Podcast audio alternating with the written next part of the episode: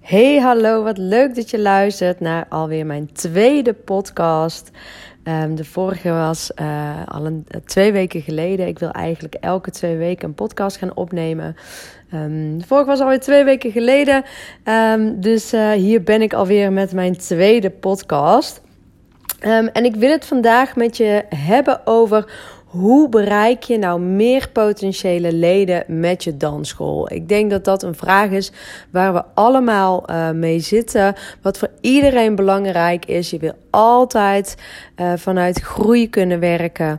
Um, maar hoe bereik je nou uh, die potentiële leden? En wat is er nou belangrijk om ervoor te zorgen dat ze naar jou toe komen en niet naar je concurrent? Um, en ik denk dat het belangrijk is dat we dan even goed snappen wat er nou op dit moment natuurlijk in ons land qua dansscholen aan de hand is. Kijk, vroeger zat ik bij een dansschool in de wijk. Ik woonde in de Achtse Berier in Eindhoven. En um, daar zaten twee dansscholen op het moment dat ik daar uh, dat ik vier jaar was. En uh, ik wilde eigenlijk al vanaf uh, derde dansen. Maar goed, het was toen echt nog maar vanaf vier mocht je naar een, um, een klassieke dansles in een school, in een basisschool. Um, en daar ben ik meteen begonnen vanaf vier. Um, en het enige wat ik me daar eigenlijk nog van kan herinneren is dat we heel veel aan de bar stonden. Um, en dat we een kikker na moesten doen, geloof ik. En dat de juf vreselijk streng was. Dat was helemaal uh, niks voor mij. Maar de dansschool waar mijn zus ook al uh, uh, op les zat, die zat bij ons echt twee straten verder. Die gaf voornamelijk jazz. Een hele flamboyante, prachtige dansdocent. Um, en die sprak mij natuurlijk veel meer aan, maar dat mocht pas vanaf zes. Dus na twee jaar bij die vreselijke klassieke les uh, te hebben gestaan, omdat die juf gewoon ook echt niet zo leuk was. Um, ik weet dat nu een klassieke les zo verschrikkelijk veel leuker gegeven kan worden dan dat zij uh, dat uh, toen deed. En wellicht sprak zij ook leerlingen natuurlijk aan die wel echt goed bij haar pasten. Maar voor mij paste dat helaas niet. Maar ik was eindelijk zes en ik mocht naar de jazzles. En ik weet nog dat ik daar mijn eerste les stond. En dat ze met een, met een, um, een pirouette bezig waren, met een tour. Um, en dat ik dat helemaal fantastisch vond. En dat ik dat echt helemaal opvrat. Um, en uh, en uh, daar echt mijn plekje had gevonden. En dat was het ook in de buurt. Ik weet dat er later nog wel een dansschool of twee bij zijn gekomen, maar er was gewoon niet heel veel aanbod. En de manier waarop mijn moeder natuurlijk die dansschool uh, had gevonden, want wij komen daar niet oorspronkelijk vandaan, uh, was via het buurtkrantje. Er stond een advertentie in het buurtkrantje. Um, en op die manier wist zij dat die dansschool daar zat.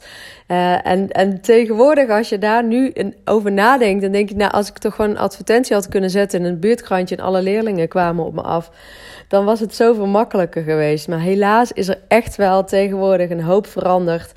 En uh, moeten we echt een andere aanpak verzinnen dan uh, die ene advertentie in dat buurtkrantje of in de krant of wat dan ook. Want ik merk gewoon dat dat dingen zijn die echt absoluut niet meer werken. Die heel veel geld kosten, um, maar echt helemaal geen bereik meer hebben. Um, wellicht zit je in een dorp of in een wijk waar je echt de enige bent. En dan is zo'n buurtkrantje nog wel heel handig. Alhoewel ik wel denk dat alleen opa en oma het lezen. Um, en uh, iedereen uh, met kinderen daar al helemaal geen interesse meer in heeft. Maar je kunt het altijd proberen. Um, zorg in ieder geval dat je gewoon een goedkope advertentie dan uh, neer kan zetten. Dat het je niet te veel geld kost, want je haalt het er echt, echt niet uit. Die tip uh, wil ik je alvast meegeven. Um, maar in de afgelopen tien jaar heb ik natuurlijk mijn dansscholen in Breda gehad en omstreken. Um, en ik heb net nog eventjes zitten googlen en even snel zitten tellen. Als ik gewoon uh, google op dansschool Breda, dan kom ik al uit op 30 dansscholen. Ruim 30 dansscholen. Ik telde er 32. Um, en dat is natuurlijk enorm veel. Um, maar goed, hoeveel is nou heel veel? Ik ben even gaan rekenen. En um, wat ik kon vinden is dat er op dit moment 185.000 mensen uh, wonen in Breda. Het is echt wel een grote stad. Dat kun je ook heel makkelijk vinden, gewoon online. Um, dus ik ben even gaan rekenen en gaan kijken. En ik kon ook nog vinden dat er 15,2% onder de 14 jaar zitten. Dus 15,2% van die 185.000 mensen die wonen in Breda is onder de 14 jaar. En ik denk dat dat voor bijna elke dansschool natuurlijk de grootste doelgroep is um, die, um, uh, die bij je op les zit. En dan heb je het dus over 14.000 kinderen. 14.000 kinderen onder de 14 jaar die in Breda wonen. Um, stel nou voor dat dat de helft aan meiden is. Dus zeg 7000 euro, of 7000 euro, 7000 meiden, 7000 jongens.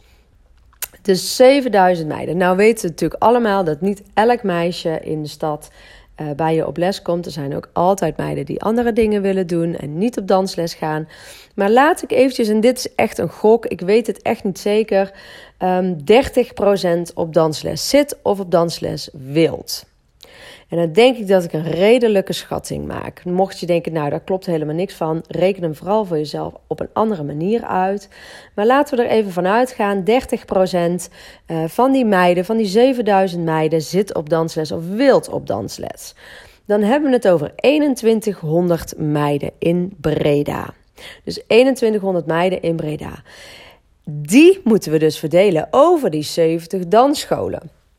En als ik dan even een heel simpel rekensommetje maak, 2100 gedeeld door 30 dansscholen, um, dan zit ik dus op 70 leerlingen per dansschool. En dat is natuurlijk best wel heel erg weinig. Dus 70 leerlingen per dansschool. Dus je merkt dat zeker in een stad als Breda is die markt best wel verzadigd. Uh, er zijn dansscholen genoeg. Um, en ik denk ook dat daarin natuurlijk niet iedereen het zal redden. Um, ik zie ook dat soms dansscholen verdwijnen en soms dansscholen weer bijkomen. Um, maar die markt is best wel verzadigd. En je kunt dus heel makkelijk eens even kijken in hoever jouw markt, jouw 10 kilometer om jouw dansschool heen, hoe verzadigd die is op dit moment. Hoeveel dansscholen zijn er? Hoeveel leerlingen zijn er ter beschikking? En natuurlijk heb je niet alleen maar leerlingen onder de 14, maar heb je er ook boven de 14 heb je ook volwassenen wellicht in je dansschool.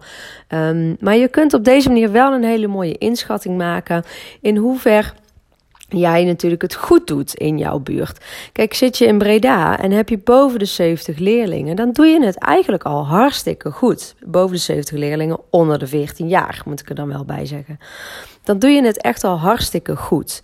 Um, maar wat dus zo belangrijk is, is als je weet dat daar dus heel weinig leerlingen eigenlijk nog voor het oprapen liggen, dat die markt al heel erg verzadigd is, dat je dus moet gaan werken aan je uh, uniekheid, aan je unique selling point, zoals ze dat zo mooi noemen in de marketing. Um, het is belangrijk om zo uniek en bijzonder mogelijk te zijn, om ervoor te zorgen dat je marktaandeel groter wordt. Of je hoeft niet per se mega uniek of bijzonder te zijn, maar dat je een enorme naamsbekendheid hebt. En een enorme goede naamsbekendheid, vooral aan van kwaliteit. Um, dat mensen ook automatisch eerder voor jou kiezen dan voor een andere dansschool. Je wilt namelijk liever niet een grote vis zijn in een hele kleine. Of sorry, je wilt. Ik moet het andersom zeggen. Liever niet een kleine vis zijn in een hele grote vijver. Zoals heel veel dansscholen nu in Breda zijn. Maar je wil die grote vis zijn in die kleine vijver. Ook al heb je dan misschien minder uh, ruimte. Dan kun je wel nog die hele grote vis zijn. En daar dus veel meer uh, uithalen. Want als jij die grote vis bent in die kleine vijver, dan zorg je er ook voor dat je dus hogere contributie kan vragen. Um, en hogere contributie betekent echt niet altijd dat mensen minder snel voor je gaan kiezen. Um, ik vergeleek het gisteren samen met een klant nog van me met water. Uh, er komt water uit de kraan.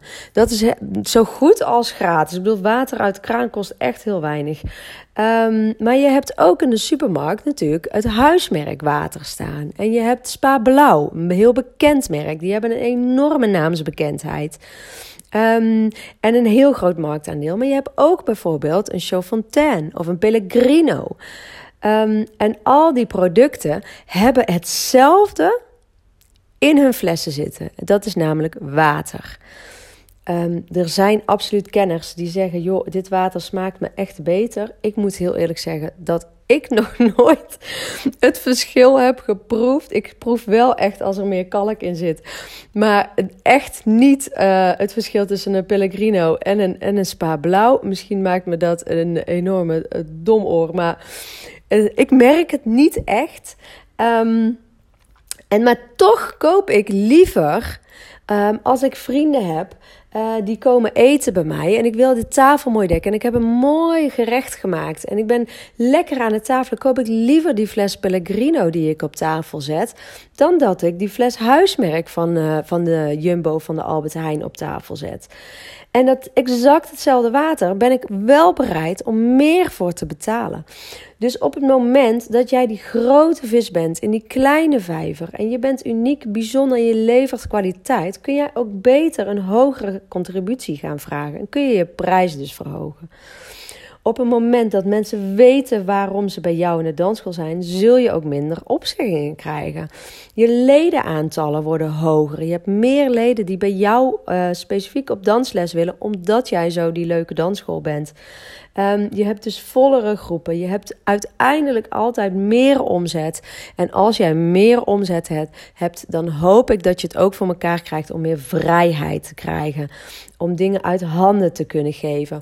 Om het makkelijker te maken voor jezelf. Allemaal voordelen van een groter marktaandeel in jouw stad of dorp of omgeving. En laten we nou alsjeblieft eens stoppen met concurreren in de prijs. Want concurreren in de prijs is voor mij altijd de meest negatieve manier waarop je kan concurreren. Ik denk dat we dat het belangrijk is dat we daar echt vanaf gaan stappen en dat we dat dus echt niet meer gaan doen. Laten we nou ervoor zorgen dat alle dansscholen in Nederland hun prijs ietsjes gaan verhogen, waardoor we allemaal wat makkelijker kunnen leven, um, onafhankelijker zijn van onze partner. Want ik weet dat heel veel dansscholen, heel veel dansschool-eigenaressen nog heel afhankelijk zijn van, hun, van het inkomen van hun partner.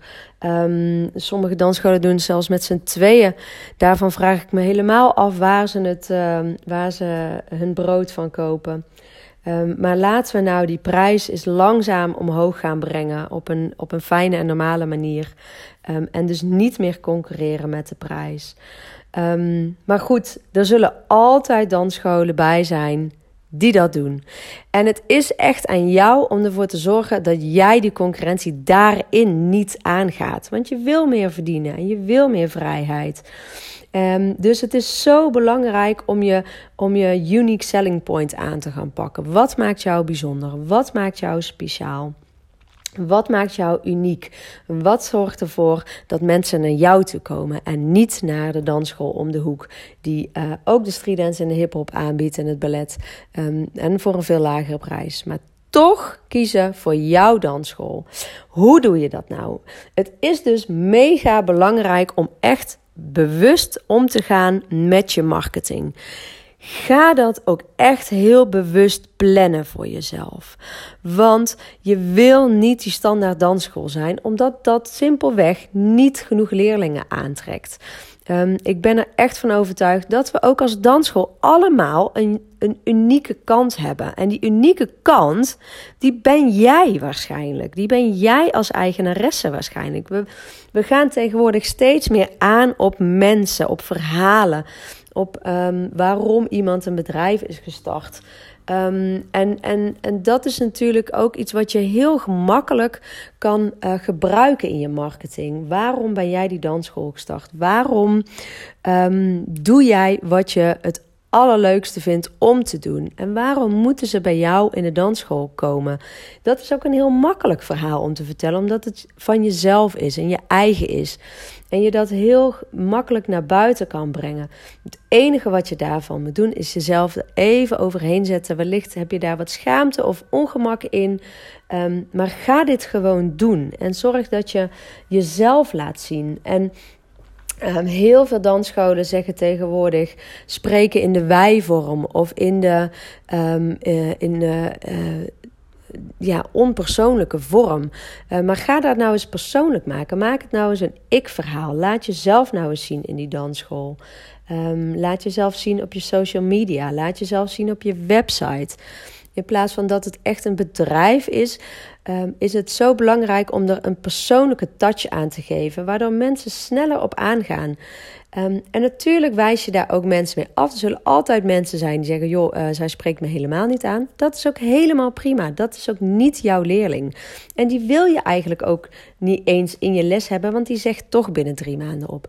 Dus zorg dat je jezelf laat zien, zodat je meteen de leerlingen aanspreekt of de ouders aanspreekt die wel op jou aangaan en die het wel tof vinden. En dus ook echt lang bij jouw lid kunnen blijven. Ik sprak gisteren nog um, een klant van mij, die is gisteren begonnen in het uh, Boost Your Business programma. Dat is mijn drie maanden coachingsprogramma.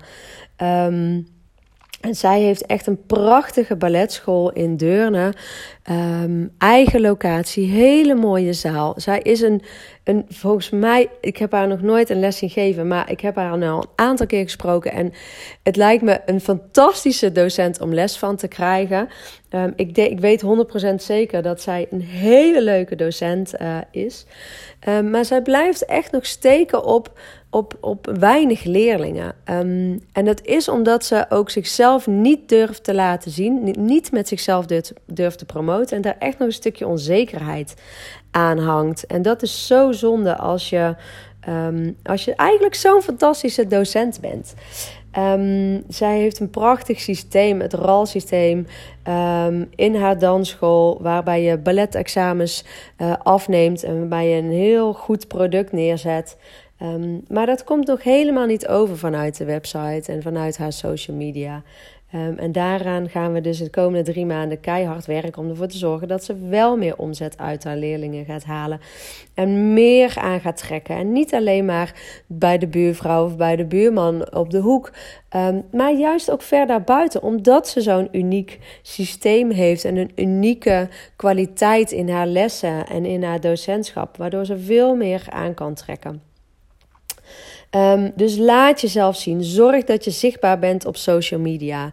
Um, je hebt wellicht mij al voorbij zien komen op social media. Ik plaats, probeer echt vijf keer in de week een story te plaatsen. Elke week een bericht. Um, elke week een nieuwsbrief uitschrijven. en dat zijn hele gemakkelijke manieren om, um, om zichtbaar te zijn. En nou snap ik dat, het, dat dat misschien heel veel werk is voor een dansschool. Maar begin eens met bijvoorbeeld drie stories te plaatsen per week. Um, bericht per week te maken. En bijvoorbeeld één nieuwsbrief per maand te maken. En houd ook je oud-leden in die nieuwsbrief. Um, zorg dat je dus ook een nieuwsbrief maakt die speciaal is voor oud-leden. Daarnaast maakte ik bijvoorbeeld altijd twee keer per jaar een speciale editie van mijn nieuwsbrief. Uh, die echt gericht was op de kinderen. En eentje die bijvoorbeeld echt gericht was op de ouders. Waarin leuke reviews stonden. Een leuk filmpje en een leuk tutorial. En, en mezelf echt wil liet zien als de eigenaresse van de dansschool. En daarmee kun je ook ervoor zorgen dat de leden die je binnen hebt, dat die ook echt ambassadeur gaan worden. Zij moeten dat speciale ook gaan voelen. Dat is ook mega belangrijk in je dansschool. Je wil van elke leerling wil je een ambassadeur maken. Um, dus denk bijvoorbeeld aan um, uh, dingen als merchandise. Um, er is hier een, een, een dansschool in Tilburg. en al die meiden, echt allemaal, lopen met mega leuke honkbaljasjes. Uh, die bomberjekjes. Uh, in het knalrood met van die witte mouwen. Je kent ze vast. Met heel groot het logo van de, van de dansschool achterop. En die meiden hebben ze echt werkelijk dag in, dag uit aan. En dat is zo'n verschrikkelijk goede marketing. Zij verkopen die jasjes gewoon voor de normale prijs. Maar al die meiden willen hem hebben. Want het is een heel mooi jasje, een heel stoer jasje. En wellicht geven zij misschien wel 5 of 10 euro per jasje zelf aan uit. Om het jasje goedkoper te maken. Dat weet ik niet precies. Um, maar die marketing is het zo enorm waard. Um, want het is gewoon een mega grote dansschool. En als ik dan kijk naar hun kwaliteit in lessen, is die helemaal niet zo hoog. Um, ik heb een voorstelling toevallig gezien. De kwaliteit was echt niet heel hoog. Zij doen het mega leuk, want ze hebben echt een hele goede dansschool als het gaat om marketing. Um, zij zijn daar heel slim in, halen daar heel veel uit. Ook met voorstellingen doen zij verschrikkelijk leuke dingen, ook nog achter de schermen, zoals een fotobooth en allemaal andere dingen die ze organiseren voor de leerlingen. Maar qua kwaliteit in lessen zijn ze helemaal niet zo goed. En dat is ook helemaal niet erg dat dat niet hun focuspunt is. Want hun focuspunt ligt gewoon ergens anders. En daarmee kun je ook groot worden. Het hoeft niet altijd om kwaliteit te gaan. Het kan ook heel erg om plezier gaan. Um, mijn dansschool ging ook altijd heel erg om plezier. Ik vond het heel belangrijk dat leerlingen met plezier naar de les kwamen. Daarnaast had ik ook een gedeelte waarin we echt aan kwaliteit werkte. Dus dat, ik pakte die twee een beetje apart. En dat kun je natuurlijk ook doen. Ehm, daarbij gaven wij bijvoorbeeld uh, tijdens de voorstelling een toy toytje aan de leerlingen, die altijd ook weer gekoppeld was aan de dansschool.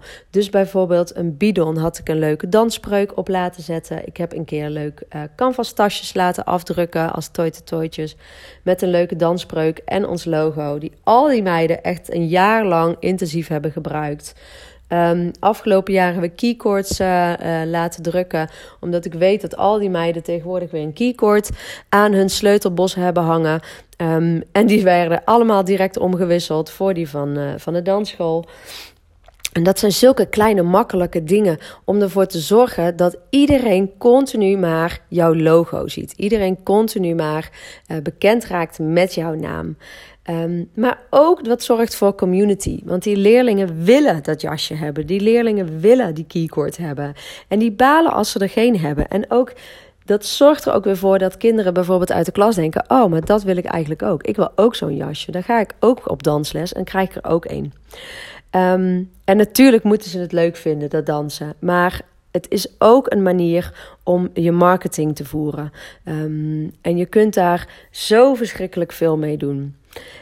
En daarnaast is het natuurlijk mega belangrijk dat je een goede funnel gaat uh, draaien. En dat je zorgt dat je continu ook bij je leden heel erg zichtbaar bent. Um, waarin je bijvoorbeeld automatisch een mailtje kan sturen als een leerling jarig is. Um, met een leuke korting. Daarin kun je echt zo verschrikkelijk veel aanbod doen. Van je zomercursus, van je wintercursus, van je kerstoptreden, van je voorstellingen. Um, als je die funnel gewoon automatisch aanzet, dan uh, gaat dat ook allemaal automatisch. Kost het je ook niet heel veel meer tijd, maar is het zo verschrikkelijk waardevol. En mocht je nou denken, joh, hey, die funnel, ik heb geen idee waar je het over hebt. Op mijn website vind je daar ook een training over. Dat is de cursus ledenbehoud. Um, en daarin ga, leg ik je alles uit hoe je nou een fantastische funnel um, uh, kan maken Oh, er kwam een mailtje binnen. Die was ik vergeten uit te zetten. maar creëer dus die community. Dat is natuurlijk zo belangrijk. Um, en als laatste wil ik je nog even uh, laten weten dat um, ik op dit moment nog steeds mijn strategie-sessie op mijn website heb staan. Die kun je winnen. Um, dat is een strategie-sessie van 45 minuten. Waarin ik met jou aan de slag ga met je dansschool. Ik geef je in 45 minuten een mega veel een mega grote berg aan tips. Ik ga kijken van tevoren naar je website en naar je social media. Daar ga ik je al wat tips over geven. Maar we lopen natuurlijk in die 45 minuten ook echt even door je dansschool heen. Je moet al van tevoren even een vragenlijstje invullen. Um, waarin ik al heel wat informatie uit kan halen. En je op basis daarvan al een hoop tips kan geven. Um, en ik, ik, ik, ga je gewoon een hoop vragen ook nog stellen in die 45 minuten. Waardoor ik je echt al direct een leuk advies kan geven. Dus mocht je dat nou leuk vinden, ik selecteer er elke maand drie. Um, die, um, uh, waarmee ik deze strategie-sessie ga plannen. Dus vind je het leuk om dat een keertje met mij te doen? En denk je nou, joh, ik wil gewoon echt een keer één op één advies met jou? Dan um, vul even het formulier in op mijn website www.dansschoolcoach.nl. En dan uh, kijk even bij uh, strategie-sessie. En dan, uh, wie weet, spreek ik jou uh, binnenkort een keer en kan ik je wat leuke tips geven over jouw dansschool. Um, ik hoop dat je er wat aan hebt gehad aan deze podcast. Ik wens je een heerlijke week toe en um, tot de volgende.